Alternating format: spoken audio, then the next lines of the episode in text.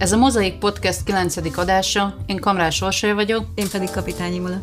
Egyesületünk a Mozaik Egyesület az autizmussal élő emberekért több mint tíz éve dolgozik együtt szakemberekkel és szülőtársakkal azon, hogy az autista gyermeket nevelő családok élete egy kicsit jobb legyen. Ha szeretnél többet tudni rólunk és a podcastről, nézd meg a bemutatkozó videónkat. A mai adásban egy nagyon megosztó témáról lesz szó, tudnélik az autista emberek önrendelkezési jogáról, illetve arról, hogy mikor lehet és mikor kell ezeket korlátozni. Manapság a gondnokság alávétel az elsősorban Britney Spears és a Free Britney mozgalom kapcsán kerül elő. A napokban ment le az ezzel kapcsolatos, vagy ezzel foglalkozó dokumentumfilm Netflixen, és abból bizony egy elég öm, embertelen történet bontakozik ki. De valóban annyira gonosz dolog-e a gondnokság alávétel, mit jelent az, hogy támogatott döntéshozatal, és ugye egyáltalán hogyan viszonyuljunk ehhez a témához. Ugyanis ritkán jut be, de a gyerekeink azok nem csak gyerekek, vagy nem csak a mi gyerekeink, hanem állampolgárok is. És rájuk, mint állampolgárokra törvények vonatkoznak, vannak állampolgári jogaik, és vannak kötelességeik, onnantól kezdve, hogy nagykorúak lesznek. Éppen ezért nagyon nem mindegy, hogyha betöltik a 18. életévüket, milyen szintű önrendelkezési joguk lesz. Általában két véglet szokott előkerülni ezzel a témával kapcsolatban.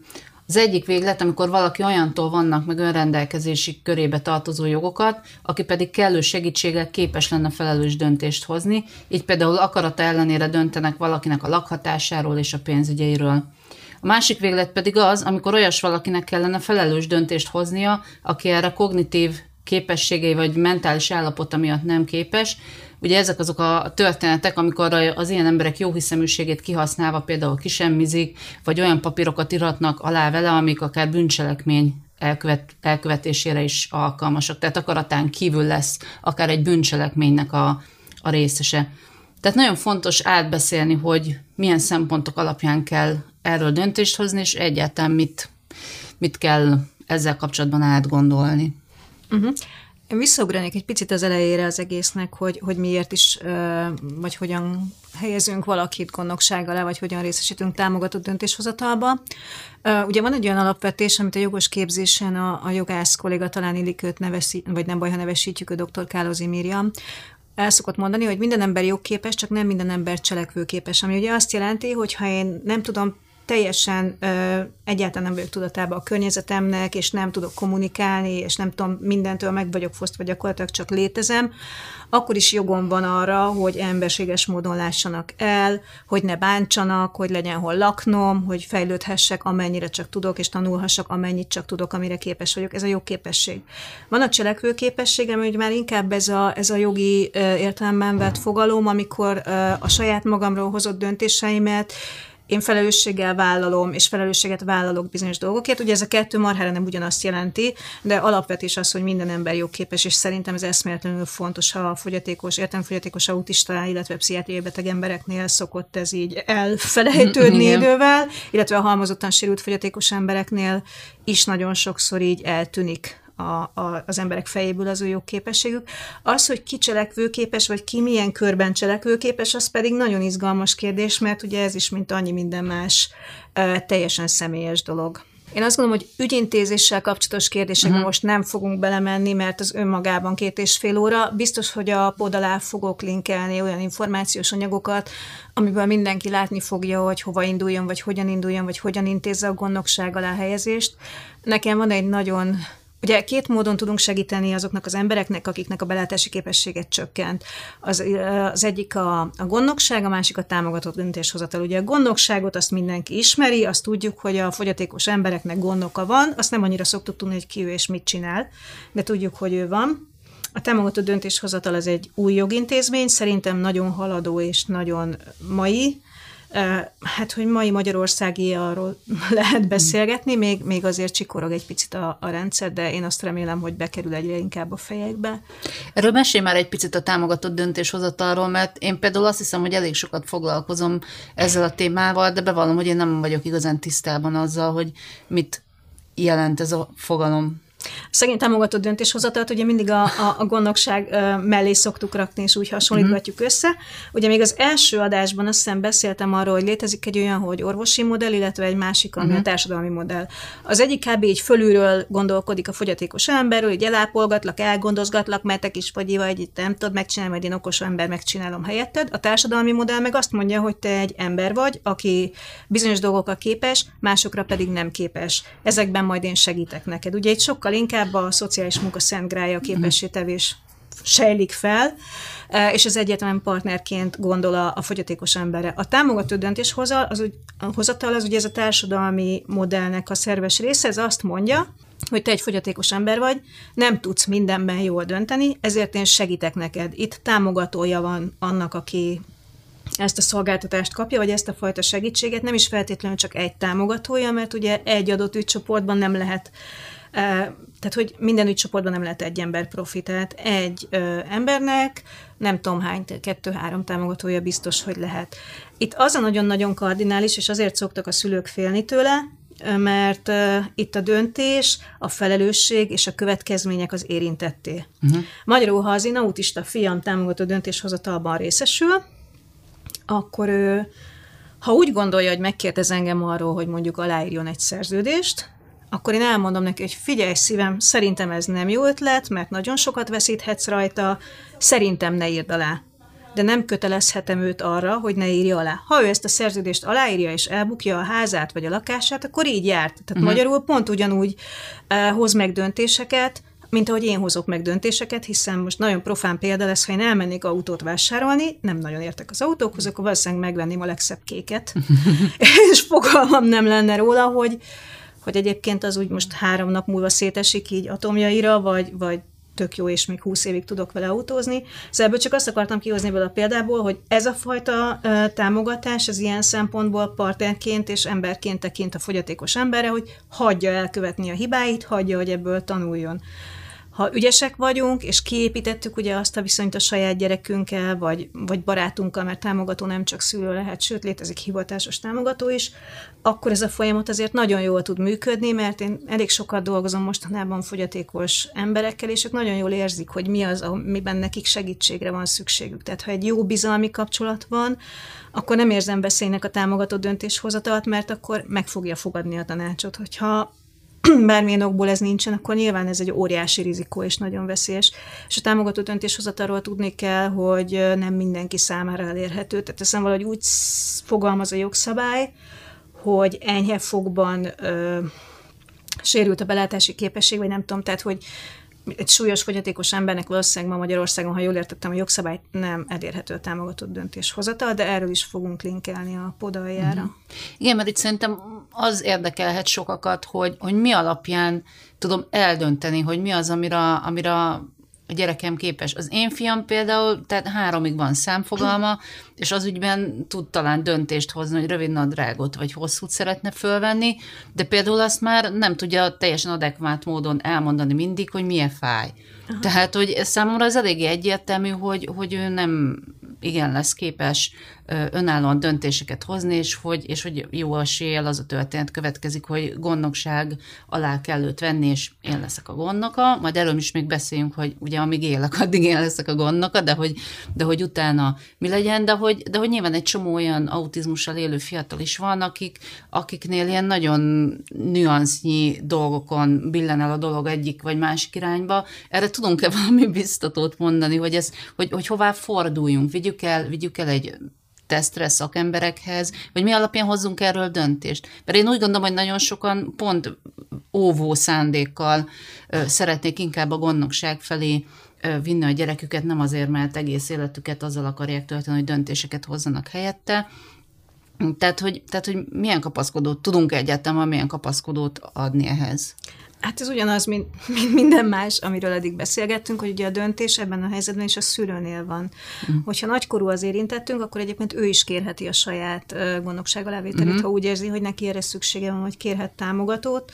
De hogy alapvetően mi szülők hatá- döntünk arról, hogy gondnokság alá akarjuk elvetetni a gyerekünket, vagy támogató döntéshozatal folyamatába bevonni, vagy hagyjuk őt élni bele a világban, mint a vad, vadvirág a mezőn Uh, és hát itt mindig ugyanaz van, hogy szakértőkkel konzultálva, stb., de nagyon sokszor az is érdekes, hogy milyen támogató, milyen környezetben, milyen közegben van az az, az, az érintett ember, mert ha egy óvóvédő közegben van, és mindig meg fogja kapni a segítséget. Az, hogy valaki nem tud kommunikálni, tehát hogy akkor tudsz bármiről egy jó döntést meghozni, ha a megfelelő mennyiségű információit tud hozzád, ahol, ahol, na, arról, hogy dönthess, bocsánat, nagyon mm. gyorsabban megy a fejem, mint a szám. És hogy nagyon sokféle módon lehet kommunikálni emberekkel, nagyon sokféle módon meg lehet kérdezni valamit egy embertől, úgy, hogy ő tudjon rá mhm. válaszolni, hogy az adott kérdésben tudjon dönteni. Nekem mindig nagyon furcsa, hogy az értelmi fogyatékos embereknél kardinális kérdés, hogy nekik nincs választójoguk. Nagyon sokszor ebben is korlátozó mhm. annak a gondnokság révén, majd erről beszélgetünk, hogy hogyan is korlátozódnak az emberek, amikor gondnokság alatt vannak.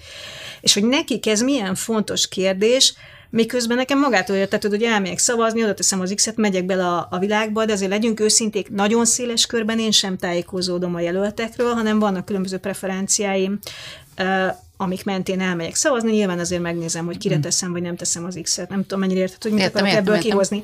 Hogy, hogy vannak olyan modellek, persze nem magyar modellek, vagy kevés magyar modell, nem ismerek mindent, ami, ami megmutatja azt, hogy ha megfelelő módon adod meg az információt, akkor az érintett olyasmiben is képes uh-huh. dönteni, amiről te azt gondolod, hogy nem képes. Van, aki nem képes, és akkor nyilván őt nem vonjuk be olyan mhm. döntésekbe, amik, amiknek a meghozatalára nem képes. De szerintem nagyon fontos az, hogy egy bizonyos szintig mindenki képes dönteni, és ugye ezt szoktam elmesélni a szintén a jogos képzésen, meg különböző ilyen témájú képzéseken, hogy az én fiam jelen pillanatban abban tud dönteni, hogy piros szörpöt akar -e inni, vagy sárgát, de akkor én leteszem elé a két mm. kártyát, és ő választja ki. Tehát neki meg kellene tanulnia azt, hogy lehetősége van meghozni azokat a döntéseket, amiknek a meghozatalára képes. Mert hogyha ő ezt nem tanulja meg, uh-huh. akkor amikor megkapja a döntési jogot, ott fog állni, mint a szomorú történetben a nyitott kalitka ajtajában madár, és nem fogja tudni, hogy mit várunk tőle. Uh-huh. Tehát, hogy megint egy picit szétcsúsztam, de hogy az sem érthető, hogy az, hogy döntsek, azt is megtanuljuk. Az, hogy miben, hogyan döntünk, az meg annak meg az a mágiája, hogy tudom-e, hogy miről kell döntenem, vagy csak valami történik körülöttem, és várják tőlem a döntést. Most jó messzire mentem mm. attól, amit kérdeztél. Igen, most pró- próbálom így, hogy mondjam, elképzelhetővé tenni, tehát vegyünk egy extrém példát, tehát mondjuk van egy nagyon jó kognitív képességekkel bíró, de mondjuk nem beszélő autistánk, aki megfelelő támogatási rendszerrel tud kommunikálni, hogy például, hogy, hogy például mit csináljunk, hogy nyilván sokkal egyszerűbb azt mondani, hogy jó, akkor vegyük gondnokság alá, mert hogy túl macerás odavinni a, nem tudom, a tableten a kommunikáló programot, vagy olyan szakembert, képzünk egy szerződés írás, tehát hogy, hogy, hogy ez hogyan, hogyan lehet megoldani. Tehát itt most én, én, én most a szülők szempontjából is kérdezem, hogy én mi alapján hozzak döntést. Tehát, hogy nyilván nekünk könnyű dolgunk van, mert nekünk olyan súlyosan érintett gyerekeink vannak, hogy, hogy nem igazán merül ez föl hogy, hogy a gondnokságon kívül más legyen, de hogy ahol, ahol más a helyzet, ahol tényleg jobb képességű, vagy jobban, ez egy kicsit ilyen fasisztoid módon hangzik, de hogy jobban funkcionáló gyerekekről van szó, ott tudunk-e valami támpontot adni. Tehát, hogy nekem, mint szülőnek milyen szempontok alapján. Honnan, akkor visszakapcsolva ahhoz, hogy információ, honnan szerezzek információt, ami alapján döntök a saját gyerekemről, hogy, hogy hogyan legyen. Nekem ez azért nehéz, amit kérdezel, 80 ponton tudnék beleugrani, mm. mert hogy folyamatosan együtt élünk a gyerekeinkkel. Nyilván, persze. Folyamatosan látjuk, hogy ők mire mm. képesek. Mm. Egy általam jónak ítélt világban lenne körülöttünk szakember vagy szakmai tím, aki segít nekünk abban, Igen, hogy lássuk, is, hogy, a gyerekünk felé megyünk. mire képes, és hogy hogyan tudunk mm. neki segíteni meghozni a döntéseit. És, akkor, és akkor a kérdés egy kicsit így eltűnik, mert amikor majd ott uh-huh, tartunk, persze. és látom, akkor eldöntöm. Azt is fontos tudni, hogy ezek a, ezek a jogintézmények nem örök élet plusz egy naposak. Uh-huh. Tehát, hogy azért ezeket lehet felülvizsgálni, ezeket uh-huh, vissza uh-huh. lehet vonni. Ne, nem jellemző ma uh-huh. Magyarországon, hogy visszavonják, de hogy a TASZ oldalán lehet olvasgatni ilyeneket de hogy, hogy nem örökre szól. Ugye van, aki csak rövid ideig szorul gondnokságra, mondjuk egy, egy pszichiátriai valamilyen összeomlás miatt nem jut most jobb példa az eszembe. Uh-huh. Tehát, hogy, hogy a gyerekeink ott vannak velünk és fejlődnek, és van egy adott időpillanat, ez az ő 17 éves koruk körülbelül, mert ugye 18 éves kortól kéne gondnokság alatt lenniük, ha ott kell lenniük, de ez egy szép, hosszú ügyintézés, tehát, hogy időben uh-huh. neki kell kezdeni amikor nekünk el kell dönteni, hogy akkor most gondnoksággal levetetjük, vagy nem, és egy picit arra reflektálva, hogy mert a mi gyerekeink olyan súlyosak, én nagyon elfogult vagyok, és én gyűlölöm a gondnokságnak uh-huh. a gondolatát. Tehát az, hogy valakit megfosszunk a, a jogaitól, az nekem egy olyan visszataszító élmény, de tudom, hogy én nem vagyok komplet, meg hogy egy kicsit bele vagyok uh-huh. már csavarodva ebbe, akinek milyen joga van, meg milyen nincs, de hogy én ha tehetném, a Petit se vetetném gondnokság mert mi szüksége van rá. Aláírni semmit nem uh-huh. tud, tehát nem fogja eladni a házát és ha valaki aláír helyett, azt tudni fogom, mert a Peti nem tud írni. Támogató közösségben van folyamatosan. Mm. Ő egyedül egész életében soha nem lesz, ha csak nem találják föl a nem tudom kék bogyót, ami az autizmus, nem tudom, megváltoztatja valami mássá az övét. Tehát, hogy, hogy minek itt a gondnokság? Mindig hát mert lesz például, nem valaki. tudom, emlékszel rá, de amikor megszülettek a gyerekeink, akkor előbb lett például adóigazolványuk, mint nem tudom miük. Tehát én ilyen esetekre gondolok, hogy valahogy kiköpi a NAV hogy Aha. a gyerekemnek adótartozása van, akkor, akkor mit csinálsz? Tehát, hogy Igen, ő de nyilván nem fogja magának elintézni, hogy, hogy, hogy belobogtatja, hogy de hát én ez meg ez meg ez vagyok. Tehát, hogy, hogy, hogy én nekem ez, hogy, hogy látom, hogy a neurotipikus embereken hányszor talál fogást, most beszélünk ilyen nagy szavakkal, a hatalom, vagy nem tudom, vagy, a, vagy, a, vagy az államgépezet, és ez az, aminek a gyerekemet nem, nem akarnám kitenni.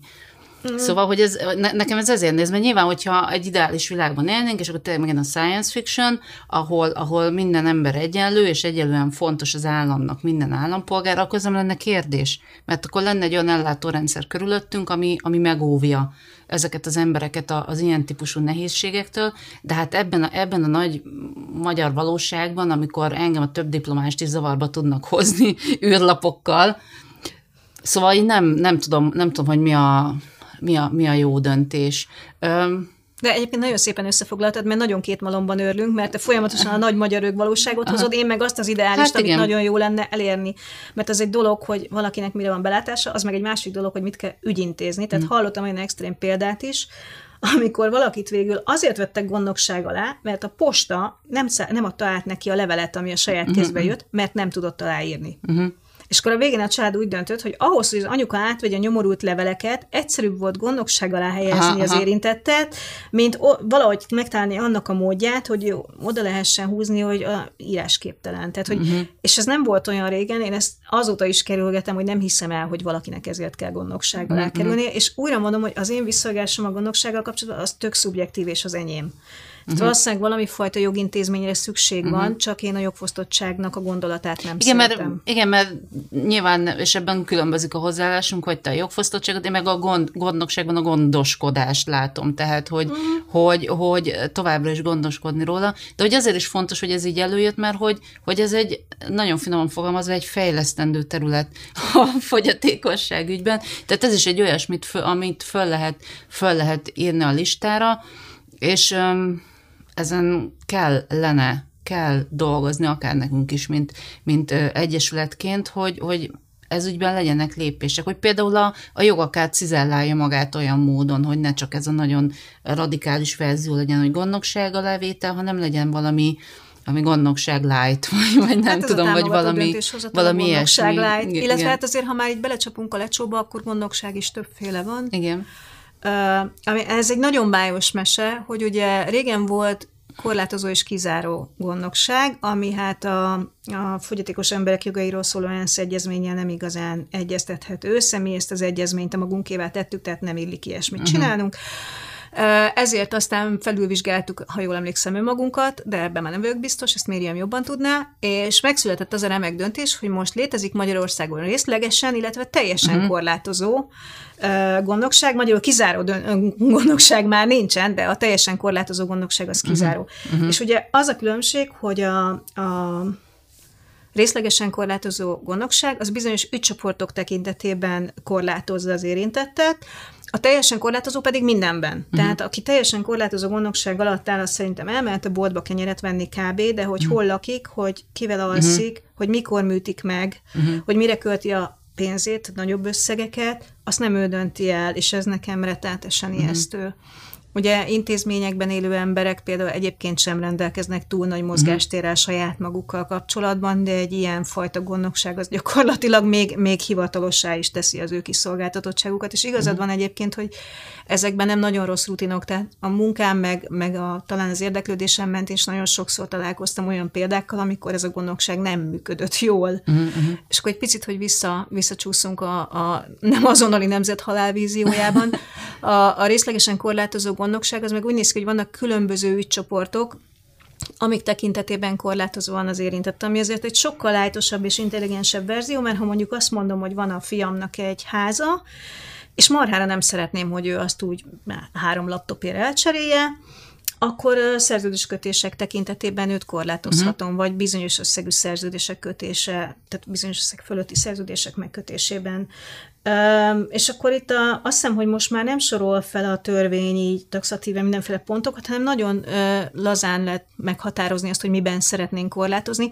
Ezt én azért egy picit élhetőbb világnak élem, ahol azt mondom, hogy amiben neked segítségre van szükséged, abban lekorlátozlak, bár én még mindig inkább támogatnék mm. a saját kis buta fejemmel, de oké, okay, akkor abba be kell, hogy hívjál, mert különben nem dönthetsz.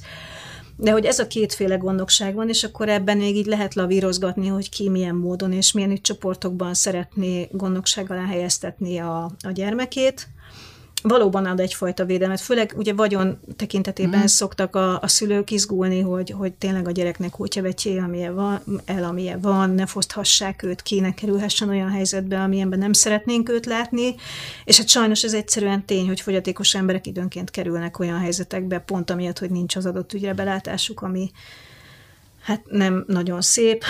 Mm. Én nem tudom, hogy ezt most büntetőjogilag hogy kezelik, amikor valaki fogyatékos embereket ilyesmikre rávesz, de nagyon remélem, hogy komolyan szankcionálva van. Illetve azt is fontos tudni, hogy az, hogy valaki gondnokság alatt van, automatikusan nem mentesíti minden felelősségre vonás alól. Ez egy tök logikus dolog, csak ezt a szülők nem szokták tudni. Tehát attól, hogy én mondjuk gondnokság alatt vagyok, nem mehetek be a Porsche boltba, nem csorhatom el a Cabrio Porsche-t, és nem furikázhatok vele mm. körbe a városban, mert akkor legnagyobb buli lenne gondnokság alá kerülni. Bűncselekmények ö, tekintetében a bíróság az mindig az adott cselekményre vonatkozóan vizsgálja belátási képességet. És akkor ez megint egy picit nehéz ügy, hogy akkor most mi alól véd, vagy mitől véd, vagy mitől nem véd a gondnokság. Ugyanakkor, ha mondjuk X összegű szerződések kötésével kapcsolatban én gondnokság alatt vagyok, akkor az a szerződés egész egyszerűen nem érvényes, uh-huh, uh-huh. ami nincs rajta az én aláírásom és a gondnokom aláírása is. Tehát, hogy, hogy van ebben jó is, meg nem is, ez egy nagyon-nagyon változó kép, most nem a gondnokság, mert az száz éve ugyanolyan, és így betonba van ágyazva, hanem hogy jön fel mellette ugye ez a másfajta gondolkodása a fogyatékos emberekről, ez a másfajta segítségnyújtásnak a lehetősége, csak ugye mi Magyarországon azért elég nehezen változunk, és nehezen fogadunk be sokszor, már itt társadalmi szinten uh-huh. az emberek itt mindenki olyan, amilyen, de nehezen mozdul a gépezet, nehezen fogadjuk el, hogy a fogyatékos embert automatikusan ne egy alsó polcra gondoljuk, hogy elhiggyük azt, hogy ha valaki nem beszél és egy kerekes székben ül, attól ő még intellektuálisan ép lehet, és mm. meghozhatja a döntéseit.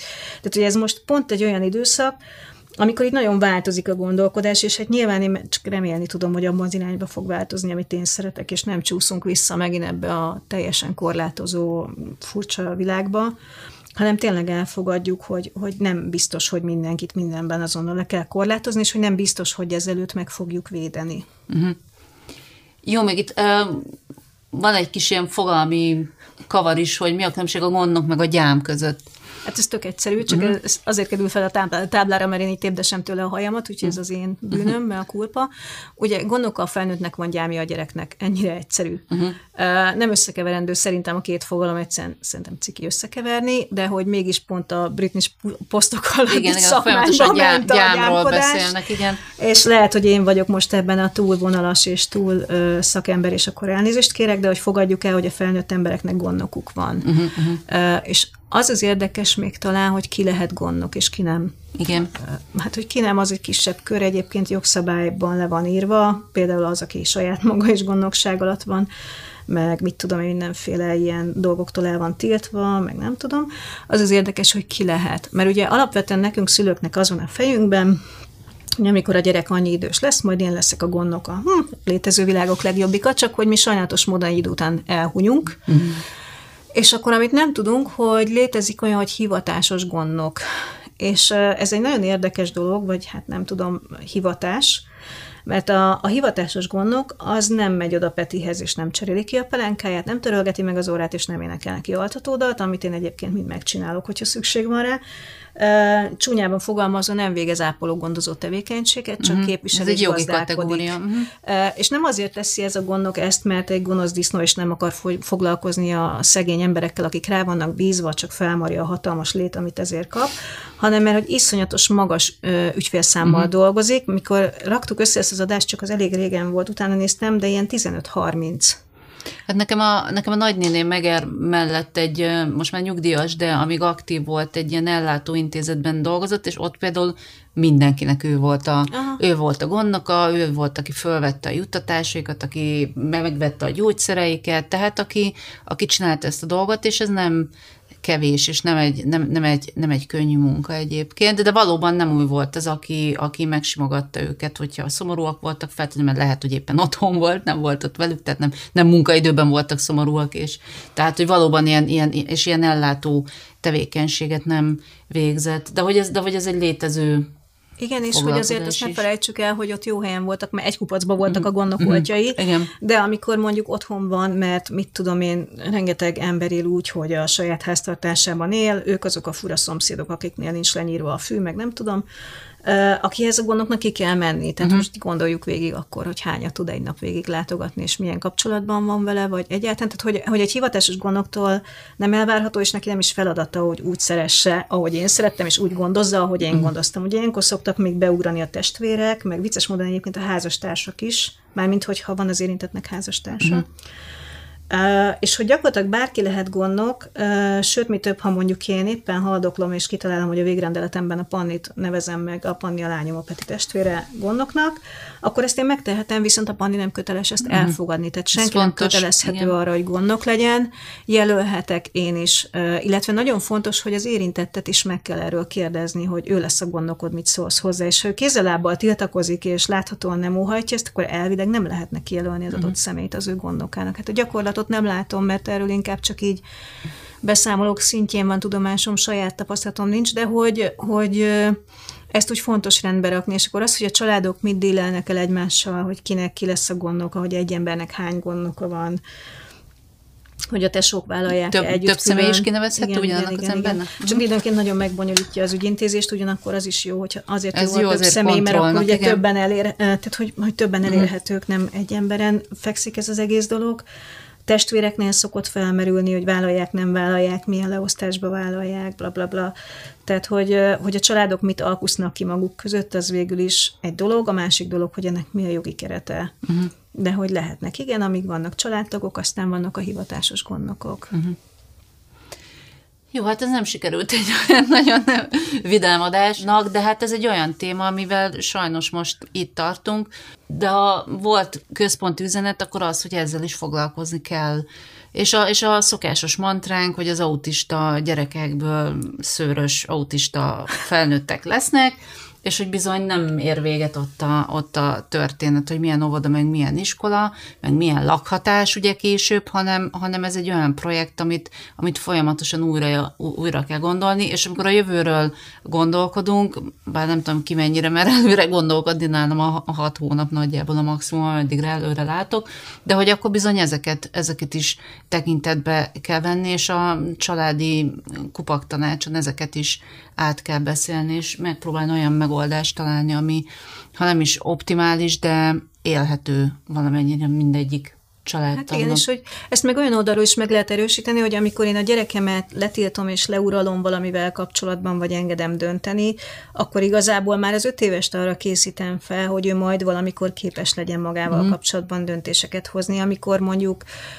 megtanítom arra, hogy másokkal is nyitottabban kommunikáljon, akkor arra is tanítom, hogy amikor én már nem leszek ott, hogy segítsek döntést hozni, akkor, akkor bízom másban is, tehát tudjon más, uh-huh. mással is ilyen jellegű kapcsolatba lépni, mert egyébként például a támogató, az lehet barát is, tehát nem uh-huh. kell feltétlenül rokoni viszonynak lenni, szerintem gondok is lehet, hogyha ha úgy jelölődik ki, de ebben nem vagyok egészen biztos. Tehát, hogy csak azt akarom ebből kihozni, hogy ez megint egy folyamat, egy fejlődési folyamat, amíg megtanul valaki dönteni magával kapcsolatban, amíg megtanulja a döntéseit kifejezni, magát valamennyire megvédeni, vagy szükség esetén háttérbe szorítani. Ugye ez egy jó játék, ezt mi is megtanuljuk, mm. csak nekünk elvileg valamivel könnyebb és hogy ez egy folyamat, amin dolgozunk, és egyébként a családnak is egy folyamat, mert nekünk szülőknek is egy folyamat, amíg, amíg a gyerekünk fölnő, amíg megtanuljuk, hogy igen, neki lehetnek saját döntései, igen, nekem azokat tiszteletben kell tartani, ha felnő, akkor már akkor is, hogyha az én döntéseimmel szemben dönt, uh-huh.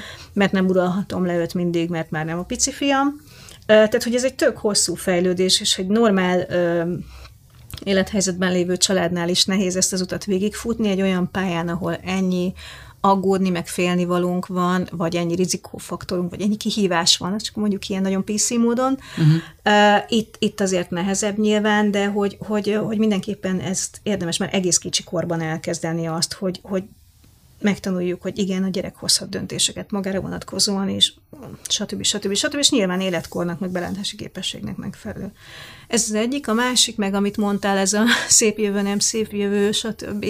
De hogy azért azt érdemes tudni, hogy létezik egy olyan fogalom, hogy támogatott életvitel, aminek három szegmense van, a támogatott lakhatás, a támogatott döntéshozatal és a támogatott munkahely. És hogy elvileg ebbe az irányba megyünk. Uh-huh. Elvileg. Tehát, hogy... Biztos van rá egy jó kis stratégia valahol. Van. Á, persze, ugye ott az intézményi férőhely kiváltása lakhatásra, mhm. munkára, ugye vannak mhm. támogatott munkahelyek, ezt tudjuk. Tehát, hogy, hogy azt jó tudni szerintem mindig, hogy elvileg a nagy egész milyen irányba mozdul, mert ha az összhangban van a mi mhm. szándékainkkal, akkor egy kicsit könnyebb lehet, vagy, vagy könnyebben ülhetünk rá egy olyan hullámra, ami, ami nekünk is kedvező, vagy végezhetünk olyan fajta érdekvédelmi munkát, de hogy a, az ideálisnak gondolt világban, nem tudom, 20-30 év múlva már, már nem feltétlenül kell a támogatott döntéshozatalnak, uh-huh. vagy a támogatott lakhatásnak idegennek lennie, vagy annyira friss gondolatnak. Úgyhogy talán ez lehet egy olyan zárszó, uh-huh. amitől nem vágja fel neki azonnal az erejét, hogy, hogy elvileg egy olyan irányba haladunk, a, a döntési mechanizmusok kapcsán is, ami egy picit lájtosabb, ami sokkal jobban figyel az érintettekre, ami, ami felnőttként és partnerként kezeli őket, és azt gondolom, hogy szülőként nekem ez sokkal szimpatikusabb, uh-huh. mint a helyettes döntéshozatal. Nekem, de tényleg mindenki, és ez a legfontosabb, mindenki maga hozza meg a döntéseit. Félreértés ne én sem vagyok boldog attól, hogy, hogy ezzel a gondnoksággal foglalkozni kell, csak úgy látszik ebben így ezt én másik irányból Aha. látom inkább, de de hát nem kell, hogy mindenről ugyanúgy gondolkozzunk, nem is gondolkodunk egyébként mindenről. Ugyanúgy hála a jó Istennek.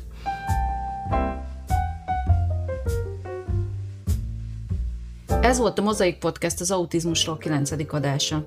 Szokás szerint az adásban elhangzottakkal kapcsolatban hasznos információkat találhattok a leírásban. Írjatok nekünk, keressetek minket, kérdezzetek, kommenteljetek, vitatkozzatok. Főleg egy ilyen témánál, mint a mai is, nagyon örülünk, hogyha amiféle dialógus kialakul. Ha szeretnétek anyagilag támogatni a Mozaik Egyesületet, azt a Patreon oldalunkon keresztül is megtehetitek, ennek linkjét szintén megtaláljátok a leírásban. Hallgassatok minket továbbra is, és ne feledjétek, az autizmus nem csak egy diagnózis, hanem egy életre szóló kaland is.